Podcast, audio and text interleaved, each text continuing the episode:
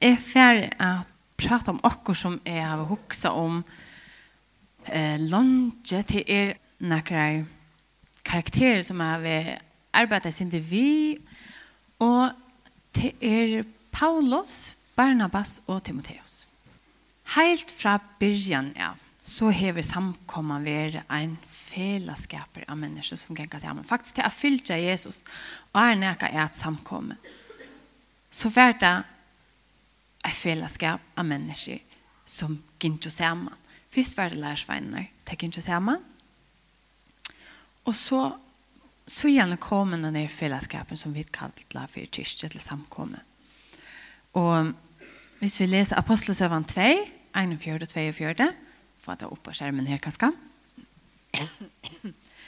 Så det som nu tog vi året hans her, til nu Peter som som, eh, som knappt blir finnet et øyelig dirve til han ble fyllt av hele andan. Han har gömt seg flere dager, og han har vært bensjen. Han har lov om at han tilhører Jesus, og han har vært Han har vært rönt av er så avskönlig som, avskönlig som möjligt.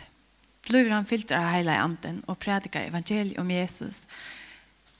Mitt i Jerusalem, här som ödl eh, korsröjande. Det var krossfest, han sa, herre mästare, han predikar evangeliet, fyllde det hele andan og sier, sier vend vi. Og en ölig rikva människor takk till trygg. Og jeg stendte i vers 1 for de som nå tok vi år hans herre, var døypt, og at han det en løttest at, at rett okkurst om 3000 saler. Tann dagen. Og stendte tei hilde trolig fast vi lærer apostlene, og vi samfellet, vi breibrøtingene og vi bønner. Så det er vi at her er fyllt av Jesus, det var beina veien, man kom inn i et fellesskap. Og her er sjelen jeg imisk menneske. Altså, nu, nu er vi akkurat som eh, de fleste av okken er ur Skandinavien ganske, flest, aller, aller fleste føringer, som utlendinger, men vi er nok så lyk Men allikevel bare her, altså etter en ta nok samme alder til som sitter i andre bunchen. Men altså, her er ikke en som er akkurat lik. Ikke en som er akkurat samme søve. Ikke en som er samme bakgrunn. Ikke en som er kommet til trygg for på den samme maten. Vi er ødel imisk mennesker. Vi har ødel okkara søve. Vi har ødel okkara ved, um, okkara meninger, og vi skulle så være samkomman. Det gode vi at vi er så imisk det er at vi har öll okkar som vi kan lære av henne. Vi kan lære av kvarnör. Men ta med sig eisene at vi öll hava okkurst a bjóa. Vi hava öll okkurst a bjóa til hin og i samkomman. Og i det så fer jeg hyrt etter Paulus, og han sier samband ved Barnabas, Barnabas og Timotheus, og som et døme på det. Ja. Så først Paulus og Barnabas.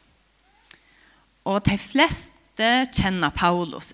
Vi tar vi ødelføren hørt om han. Hvis vi tar vi hukt og i Bibelen, så har vi ødelføren se hans navn. Tog her på Paulus brev til Rom og til Korint og til Kloss og til Timoteus og Titus brev. Bla, bla, bla, bla. Han skriver en rikve. Og, og eisen hvis vi leser apostelsøvann, så er det nesten, alltså i ødelføren tätten heltene av apostlasövan till nästan en biografi om Paulus. Um, men om vi tar stort sammen, om så var Paulus en skriftlærd fariseere, som var særa ujen, særa ujen og sin tjeneste for gode. Han var opptidsen av at livet var rett for gode. Og så kom en denne rørslan av Jesus tryggvante jøder. Og han sa det som sin oppgave at virka eh, for at få det her vekk. At slå det nyer, så at jødene kunne leve rett. Um, tog han sa på det her som han vidler. Og han dørdes tog en av de første som forfylte de kristne, og forfylte kyrkene, og han var med dem andre til stedet til Stefanos, den første, første Hvordan sier jeg det til han? martyrer. Martyrer er blåetne, ja. Blei steinar. Og han får så lengt at han forfyllde kyrkene og i diasporen. Altså, man hever Jerusalem her som det kristne våre, eller første kristne til våre og Jerusalem største. Og så et leser som kom til trygg eh, tann ta første postene, det er 3000 som kom til trygg og sort, så måtte jeg bo i ærestaner, og til å være jøder rundt om i rundt om alt mye her, og det kallar man så for diasporen. Og her var eisen synagoger, og her var eisen, så vi og vi, så var det kristne som kom til trygg. Og Paulus, han setter seg for at ødle, sier. Altså, til alt skulle vekk. Alt, ødle de som tror av Jesus. Det skulle ikke være en etter som skulle vittne om Jesus. Så han får eh, etter timon eisene. Men god he er atlaner. Det er det gode. God han he er atlaner. God han er han som anser etter sin samkomme eisene. Han hever et hjerte ved sin samkomme. Og han sa han den Paulus, han sier, det er ikke som to helter. Så henter det som henter i Apostelsøven Nordje. Vi kan lese det. Men Saulus første fra vers 1. Vi ser man leie høttene og mår mot lærsveinen herrens. Han får til høvespresten og ber han om brød til Damaskus til synagogen her, fire at om han fann nøkker. Men etla kvinner som hørte til veien, han tar kunne føre til bonden til Jerusalem. Men, med han var av vi og var kommet nær Damaskus, skain knapplig av ljøs av himmelen om han, og han fall til gjerder og hørte rød, og sier vi han, Saul, Saul, kvui søker to at mer. Ta sier han, Hvor er du herre? Han sverige, jeg er Jesus, han som to søker rett. Men reis til og fær inn i stegen, så skal være sagt her hva du skal gjøre. Männer som var i ferien vi honom stod maläser. Då där hörde vi vust rödderna, men så ånka. Sol restes nu upp av hjörnet men da han lett opp egene så han ikke. Der tok ta og hånd hans her og leidde han inn i Damaskus. Og trodde at det er var en åttan sjøen og kvørst og at et trakk. Så var Saulus så heldig at ein lærsvein var her. Og i Damaskus, Ananias, og han kom og bær for honom, le hent av honom, og han fikk sjån atter, og Paulus får så atter til Jerusalem, og byrja å bjå evangeliet her. Men så regnet han av blod parstra samkomna. Det her var ikke så nevnt. Tøy er at hvordan skal man jo vite at dette ikke bare var en strategi til honom?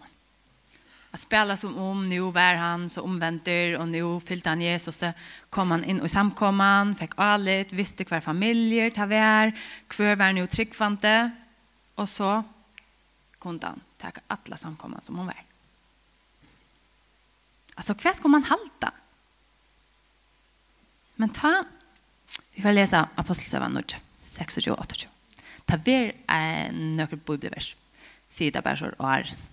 Så det er fyra gånger. Ta i han så kom til Jerusalem, røynt han at halta seg til lærsveinar, men de rattest han ødel, tog de tro ikke at han var lærsveinar. Men Barnabas, Det er det her verset som er elsker. Det er men Barnabas. Tog seg av honom, får vi honom til apostlene. Han sier til ham ta, hvordan er se herren av venon, og at han har tala til hans her, og hvordan er Damaskus er vittne, horestor og i navnet Jesus. Så tjekk han ta inn og ut fra dem og Jerusalem. Og hva var det som gjør det at han slapp inn i hitan? Jo, en mever som et Barnabas. Han sier godt for han. Barnabas kjente til atter som god har gjort og løyve hans her. Og han virkjente til gavene som god har givet honom. Han var en som bär han fram som ivetala i samkomna till att skicka att hetta er en mever som god vill bruka. Men hver er så här som Barnabas? Fyrst før vi høyre om han, eiter han Josef, men apostlene kallar han Barnabas. Og etter tjanavnet Barnabas, det er så Huios Paraklesios, som betyr sånner trøstarinnar, eller veleiengar, eller edjanar, hjelparinnar. Det er Apostelseven 4, 36. Og så by the way, Paraklesios, det er eisen samme år som ble brukt om, vet du det? Heile i andan. Og neste før vi hittar han, så det er så å ta enda noe omvendte Paulus kommer i samkommet i Jerusalem.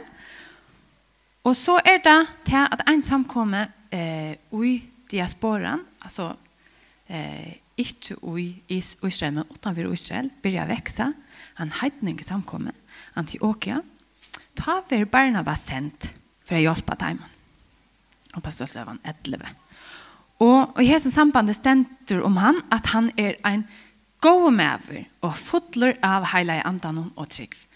Og jeg kan minne noe om hvordan man i gamle testamentet tar seg om profetene. Og med han og i Antioquia så sender han på etter Paulus som er i Tarsus. Det som hendte vid Paulus at han, han slapp av være i samkommende i Jerusalem – det er at han blev forfylt. Og det må faktisk bare sende han at han kanskje ved Jerusalem mer, og han til sender han Tarsos, her som han er fra, og så hører man ikke. Og så er spørningen, hva hendte i Tarsos? Og det vet vi ikke. Så kan man spekulera. Han bjöd sig evangeliet her, eller hva vet vi? Vi vet ikke. Vi vet faktisk ikke. Men jeg også, det kan akkurat løse vel være at nå har han, han har haft wow, mega visioner. Han kom in en tjeneste, sammen med apostlarna. Han skulle ha alltså han kom upp och fram och visste för god och knappt blev sent hemat. Alltså det är ju allt för en orla, hvis man ska huxa sin människa slätt så är det inte onaturligt att man fer in i kanske en mörk period. Jag vet inte. Jag har allt för en huxa det är ju och huxande. Lukas huxande som att han bjöd evangeliet, det är sen huxande att han kanske drekte seg sin drakter. Vi vet høyre ikke om han herfra. Vi vet ikke om han herfra. Ta togene. Men lykka mykje hva hendte om han var ho her oppe eller her nere. Så så er det okkur som hender lykka vel, og det er at Barnabas bas fer etter honom. Barnabas etter.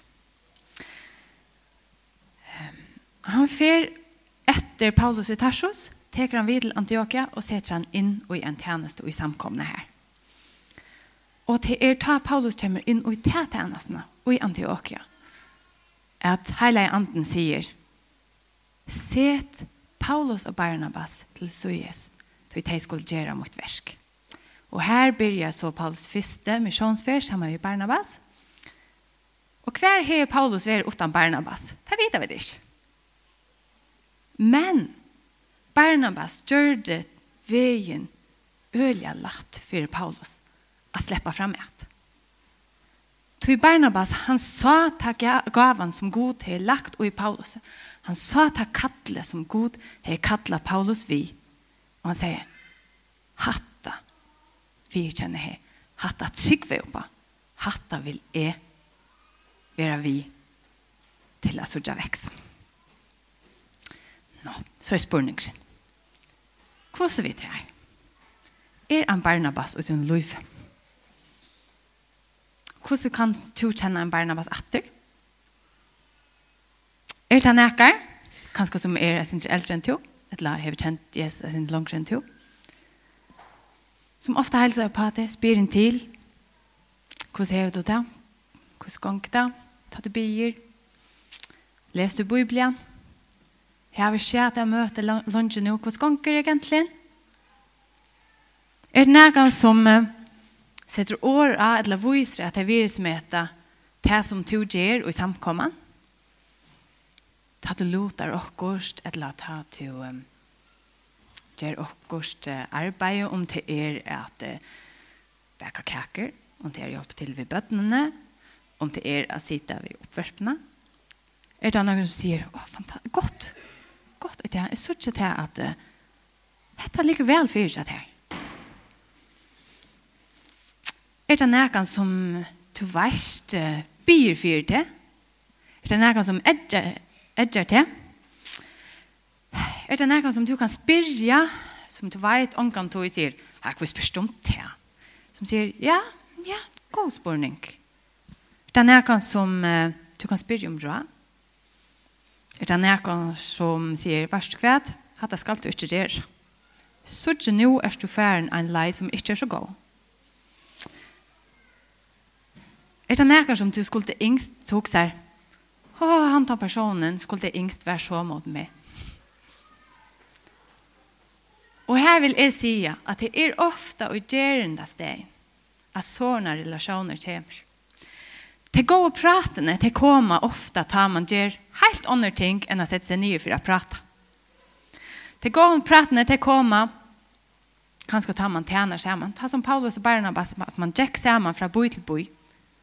Det var her til lota av liv. Så hvordan kan du investere i en sånn relasjon? Kanskje kan du, kanskje ser du en som også er, han har hodet å lære fra. Fær inn i til tjenestene som han eller hon er ui. Hjelpa til. Kanskje han kan hjelpa til ved omkring praktisk og heim og tjata heimon. Det er bare kjenter. Etla klippa græs. Etla kjeipa inn. Etla bæka. Vaska bilen. Altså, nekv imis man kan gjøre. Eller ganske kunne de gjøre oss sammen for å fiske. Løpe skjegg. Altså, klinser i fjøtlene. Jeg vet ikke. Sitte i kafé. Sovla seg. Jeg vet ikke. Finn akkurat. Invester i en sånn relasjon. Tøy, det er så viktig at vi kommer inn i de tjenestene som god er for dere. Tøy, nemlig. Samkommen er ikke bare oppgaver. Det er ikke bare en oppgave man skal gjøre. God han kallar okkon. Han kallar okkon vi et heilagt kall. Så at öll mennesker skulle komme og kjenne han. Då er det viktigt at vi kommer inn i det kallet. At vi der okkara tjeneste. At vi finner okkara styrke.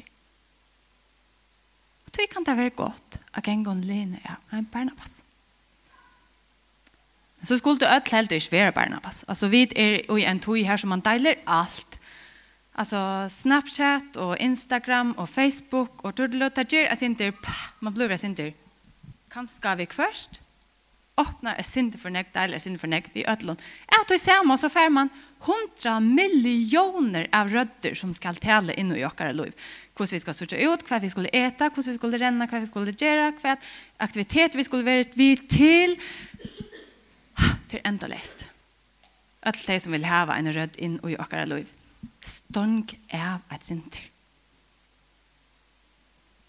Og let sånne mennesker som byr fyr som innskjer til godt, som edger til, og som sier, jeg så ikke det som god har lagt ned ut til. Let et sånt menneske være en sånn rød. Og lukk av et sinter av hine som røyna. Du det var faktisk ikke interesse ut til. Allugal.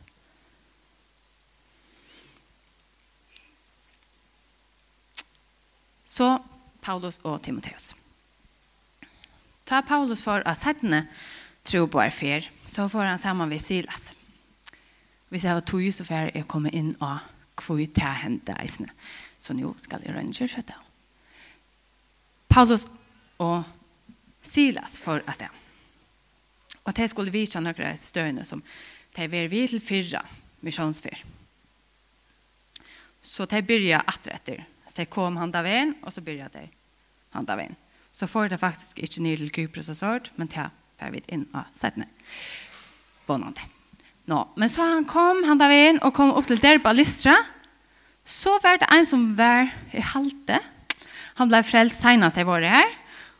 Og nå sørte jeg at åkers godt bor og gjennom er for til Timotheus.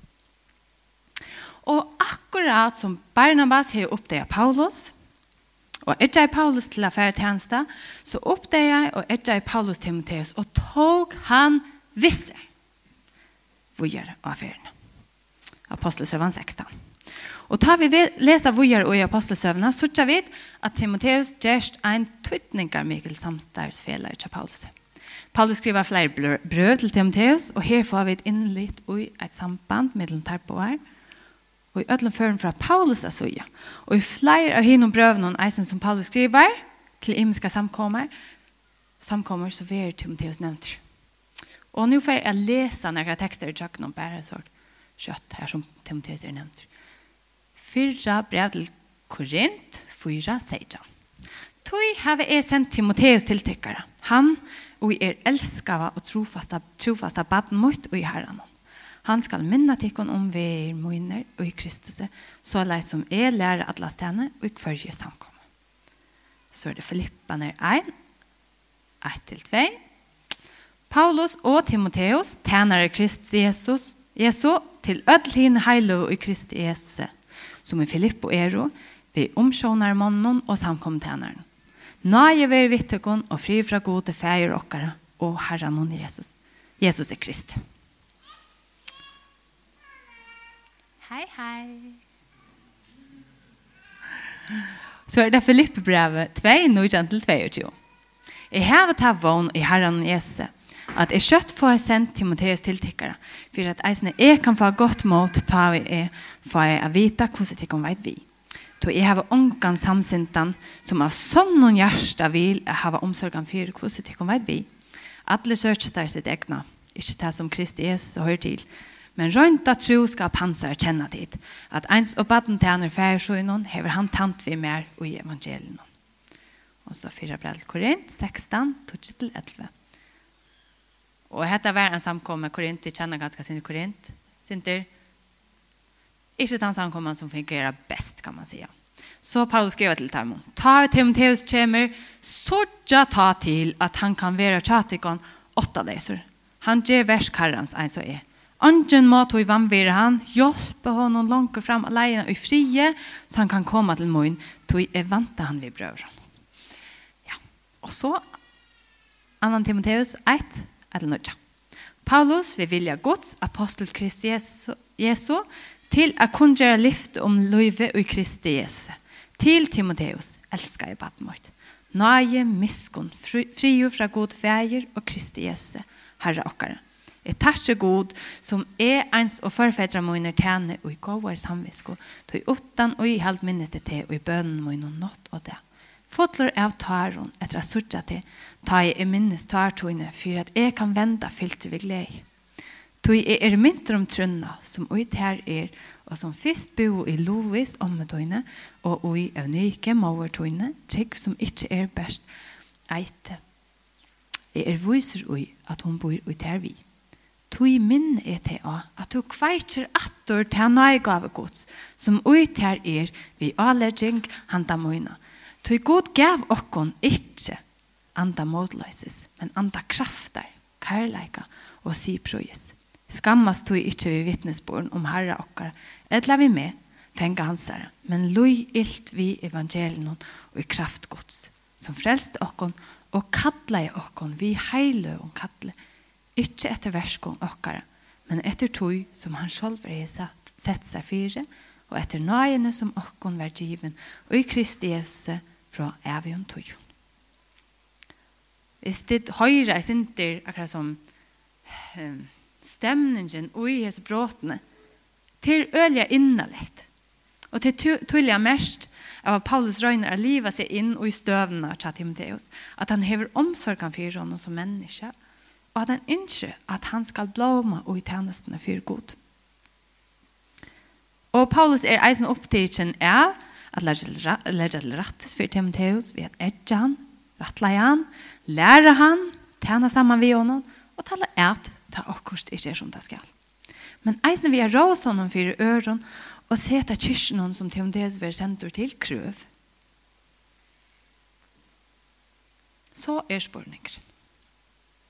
Vi det er ganske nek lettere å hukta. Ah, hver min Barnabas?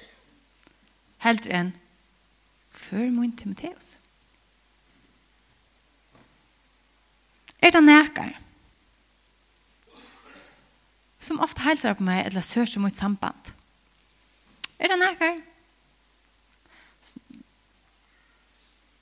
Som gjør det samme, eller som er egnet seg til at gjør det samme som er gjør i samkommet. Er det nækker som er byfyrer i samkomne?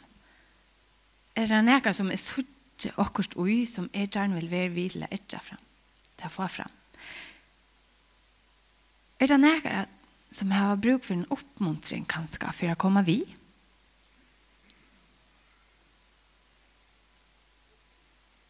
Og er også at det bruker til orsk og til tog på et sårt. En sånn relasjon. Et sårt samband.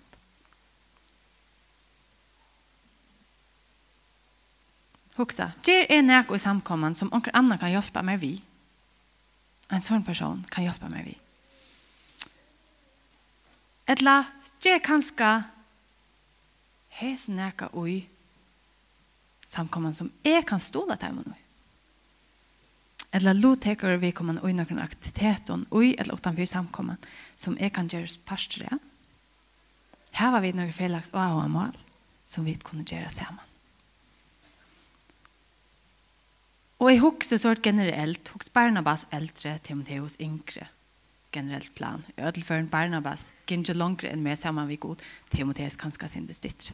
Og til slett så at, at ja, eh, at alla relasjoner blir sånn, ja, det er min Timotheus, du vet han, det er min ettfølgere, gjør det, du vet det, ja, han som skjer av Timotheus er som er bare, du vet, er det at han har sin dør, og er så rævla donalig, Paulus, du vet, min Timotheus, du vet, ah, så blir det sin kiksa. Hvis det blir så hårt, jeg, jeg bruker folk for at jeg skal liksom, trekke frem som at han er flott, eller at han som virkelig at ord takker seg av folk. Ta blod i motivene sin det skrev, men ta, ta skilja ditt beina min, det er ikke nei å si og sånt. Men det som jeg husker bare er, kanskje kommer vi tidsa hyra tjennesten. For jeg heter er jo hyra tjennesten på okkon hokse, hver kan jeg stola? Og hvem kan jeg få stol fra? Investere i hese relasjoner. Det er viktig. Hvis vi hoksa at vi alle skulle gjøre en tjeneste for Herren. Nå, så var det det her jeg synes kiksa som hender i Apostelsøven 15. Det var faktisk ordentlig, ordentlig, ordentlig, ordentlig tragisk. Apostel 15 til et av mest tragiske bråtene i Norge testamentet alltid. Apostel Apostelsøven 15, 36 til 14. Hette er altså at han har første misjonsfer. Paulus Barnabas er kommet etter fra misjonsferene, og så henter Neka til er at de kommer til Antioquia, så er det nekka jøter som er kommet til trygg, og de sier hver skvett, hese hetning kan her tema omskjeres hvis de skulle kunne være tryggvante. Annars, annars altså, så er det ikke ordentlig tryggvante. Det blir et øyelig strøy, et, var ett. Så Paulus och Barnabas tar for sammen hem till Jerusalem och pratar vi apostlarna och så här var vi ta eh eh famösa hur säger man det? Ta kände kapitel 14 här som apostlarna tar sig varskvärt heidningarna alltså vi som kommer till trygg, må inte halta Mose lov för att vara tryggvante. Jesus är nog. Punkt. Och så är det näka vi att det byggva mittlen jøder så är det kanske inte gott att dräcka blå och det försäljligt tid lägger ju ont ut det, tid äta sig blå allt, men här är inte några kvar jötar, så det bilar inte. Men ta vart det rävlen jag vet som helt det var alltså helt rävligt. Det var alltså, du kan inte säga att det är näka, eh, vad säger jag, eh, alltså uppegängande människor och så har du näka i blåa där. Så, så ta, här bär kulturhänsyn. Och han säger, så, så hände det Paulus säger vi Barnabas ta en tog vei gynnsyn. At, lett dere fære at og vite brøver dere, og i kvarjum boje som vi av kundgjørst år herrens, og i fri å vite hvordan det og vet vi. Lett å kongjere at atter hette var en suksess, og nå så det er ikke bare stand at du vet og leser luft, skal ikke fære at atter vite hvordan det ganger. Bare når bare sier, yes, skal ikke ta Johannes Markus vi? Og det var bare bomben, altså som brast. Tog er at, hvis du kan ta korset opp, Eh, hvis det stort sett er kanskje sinde forvirrende kors, kanskje ikke så reale klart, men i ødelføren, um, ja, la meg sørge bare her, du er så bättre bedre her. altså, de fær fra Antioquia, og det er han eh, reie prikkede pullen som er første misjonsfer. Så de fær til Kypros, og det er, det er Paulus, Barnabas og Johannes Marskos. Han er kommet vi at hjelpe, at vi av dem, ber alt mulig, og tog at de råkner vi hvis klart det, så må det være tre mans. De fer til Kypros, og fer i Pamfylia, så det er ta det kommer land her oppe. Ta takkar Johannes Marskos, takk og farvel, han fer heimat til Kypros. Til akkurat byrja. Og han fer heim. Og Paulus han sier bara, eh, altså, det kommer ikke opp at det. Hatta gjør vi ikke om at det tui at kalle fra god, det er ikke man bæra, spelar vi, man sier ikke bæra, gjer vi, og så, nei, jeg orsker ikke mer, at veit. Er man kalla, fer man vi i misjonsfer, ja, men så fer man, og man helter ut. Man stekker ikke bare knapplega, og leter hine bare henka i leser luft, og hvordan skal vi gjøre det, tvei følka? Det gjør man ikke. Vi kan ikke vi at det blir til. Ingen sans. Men Barnabas han sier, jeg vet han bor mer i Johannes Marskos enn til han vurste sist. Jeg vet det. Han skal vi. Og Paulus kanskje sier, ja, du sier det bare til en siste baden tøyt. Og så sier Barnabas, nei, tøyt. Jeg vet at her er dere så gjennom. Og det er et så hårt personligt eggvistet strøy, at det er ferdig hver som vi. Det blir ikke, det er færre Paulus han sier, jeg tøyt, silas vi. Barnabas, han sier, Gotter, jeg takker, barn, jeg takker Johannes Marskos vi, og vi færer til Kypros. Så Barnabas og Johannes Marskos, de færer, hvis det sørger han jo korset, de færer altså samme ved som, som fyrstefær, de færer først til Kypros, og så færer de, ja, og så videre vi faktisk ikke noe mer om de, tøy man hører ikke om det. Nå skriver Lukas, som vi skriver apostelsøven, han skriver mer om Paulus. Paulus, han begynner så hinner fra Trung, her som det ender, og så opp etter til det. Og så færre det slasje nere her som Barnabas og det har vært, men det færre hinner Trungs. Og i Europa, det ble kallet til. Og så var det en ølig stor misjonsfer, og bla bla bla. Og Barnabas og Paulus, som vi vet av, de samstarver ikke mer. Oh. Jeg får jo ordentlig ilt av det, altså. Jeg mener jeg får jo ordentlig ilt av det, at de har vært uten misjonsfer, Guds menn, bajer, kunne ikke semjast om dette her. Men jeg halte, og så kan man si, hver er rett? Hver er rett? Hver er rett? Og er det her. Og nek de som tolkar, tolkar apostelsøven sitt sier, Paulus har rett, og Lukas fylgjer han. Jeg vet ikke ordentlig. Tog at, jeg halte Paulus har rett og at kattle er viktig. Vi kunne ikke bare si, vi fer vi, og så, osh meg. Alltså så har man slett skilt hur allvarligt det är att fylla vis och stanna och yta. Man kanske bara fär fra hinne knappliga mitt i det hela. Men Barnabas, han är sannliga rätt och i att ha god och i Marskos. Tui just som han och just som han ena för har sagt vid apostlarna är Trigva av Paulus så säger han nu Trigva Johannes Marskos. Trigva det här som bor i honom.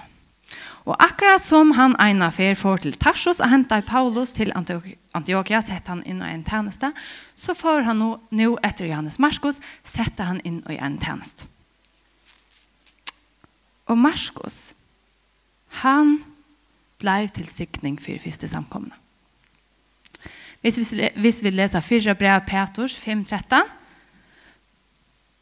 Så skriver Petur, samkommande i Babylon, utvalt en så tid, letur helsa tikkun, som leis Marskos, soner moin. Marskos blev en øyelig stol tja Petur. Og Petrus har vi ikke skriva nekka evangelium, men vi har Marskos evangelium. Og det som eh, man råknar vi, det er at Marskos har anten vært altså, diktat skriva i det som Peter har sagt. Etla så har Markus skriva vi Peter som høves kjelt. Og Markus evangeliet, det har haft en øyelig tydning. Fyre, altså Bibelen i vår høve, fyre Norsk testamentet, tog at hvis du tidsja etter Lukas evangeliet, Matteus evangeliet, et sindre eisen Johannes evangeliet, så er negv at det som er Markus. Det tykker vi i Lukas og Matteus. Akkurat som han gjør det en lest som henne også. Hatt er en god måte at vise lov Jesu på. Og de gjør det. Og eisene, Paulus. Kolosser brev 4, Tortje skriver han. Er i Aristarko som er fanns sammen med Merletikon, leder helse til helsetikon, eisene Marskos, Sisnabat Barnabas. Han har det finnes på om, kommer han tiltikkere, så tært imot honom. An, 17. Timotheus 4, 11 skriver eh, Paulus Ongen er tjamer utan Lukas. Takk Marskos, og her han vitter, han er, han er mer til gåa hjelp og i te nastone. At jeg visste bare noe. Och det som en sånn sinter kurios at han har i vers 13 så stender det ta ut hur kemor här tar vi til kappan som är leje efter i troas. Så kan på sig så praktisk information och så och bøkene, sälja skinnbøkene, ta blev sinter ha Nu skulle Paulus skriva 13 bröv i Nya testamentet, eh, hövesperson och i mesta av apostelsøvan som Lukas har skriva. Lukas skulle eisen her, han har skriva Lukas evangeliet, og Marskos, som har skriva Marskos evangeliet. De skulle samlas her, vi atla skinnbøkene. Takk til, og her, jeg kunne godt hokse som over flo av veggen ta. Hva prater jeg om? Hva gjør det? Hva skriver jeg? Hva gjør det her? De tror, altså, det er faktisk, de har skriva Norge testamentet minus, så pikk løyte. De tror til sammen, til Peter, Peter och Judas og Johannes. Matteus. Ja. Ha, jag såg det sin kurios. Men alltså, det som jag vill bara säga vi heter till ändan eisene, det är att trygg på de unge. De som kommer at han har tillgång, trygg på dig. Finn godl i timon och säga, hatta trygg på, jag vet att kicksa i senest, men jeg är trygg på det. Och jag ska hjälpa dem att komma att på hesten. Om det så kostar mig att tjäna samman vid the big superstar of the new church så gör det det. Vi är sån folk. Och vi är eisne the big superstar of the new church eisne och finna Timoteus. Okej? Okay? Tui är halte att vi är kallat hit till att bjóa evangeliet för folk. Vi är kallat till att människor släppa känna Jesus. Och det är så viktigt. Og jeg aldri vid og i luften vi skulle være kjent for det. At folk kommer kjenne Jesus. Og at vi stoler hver annan og i tjenestene. Amen.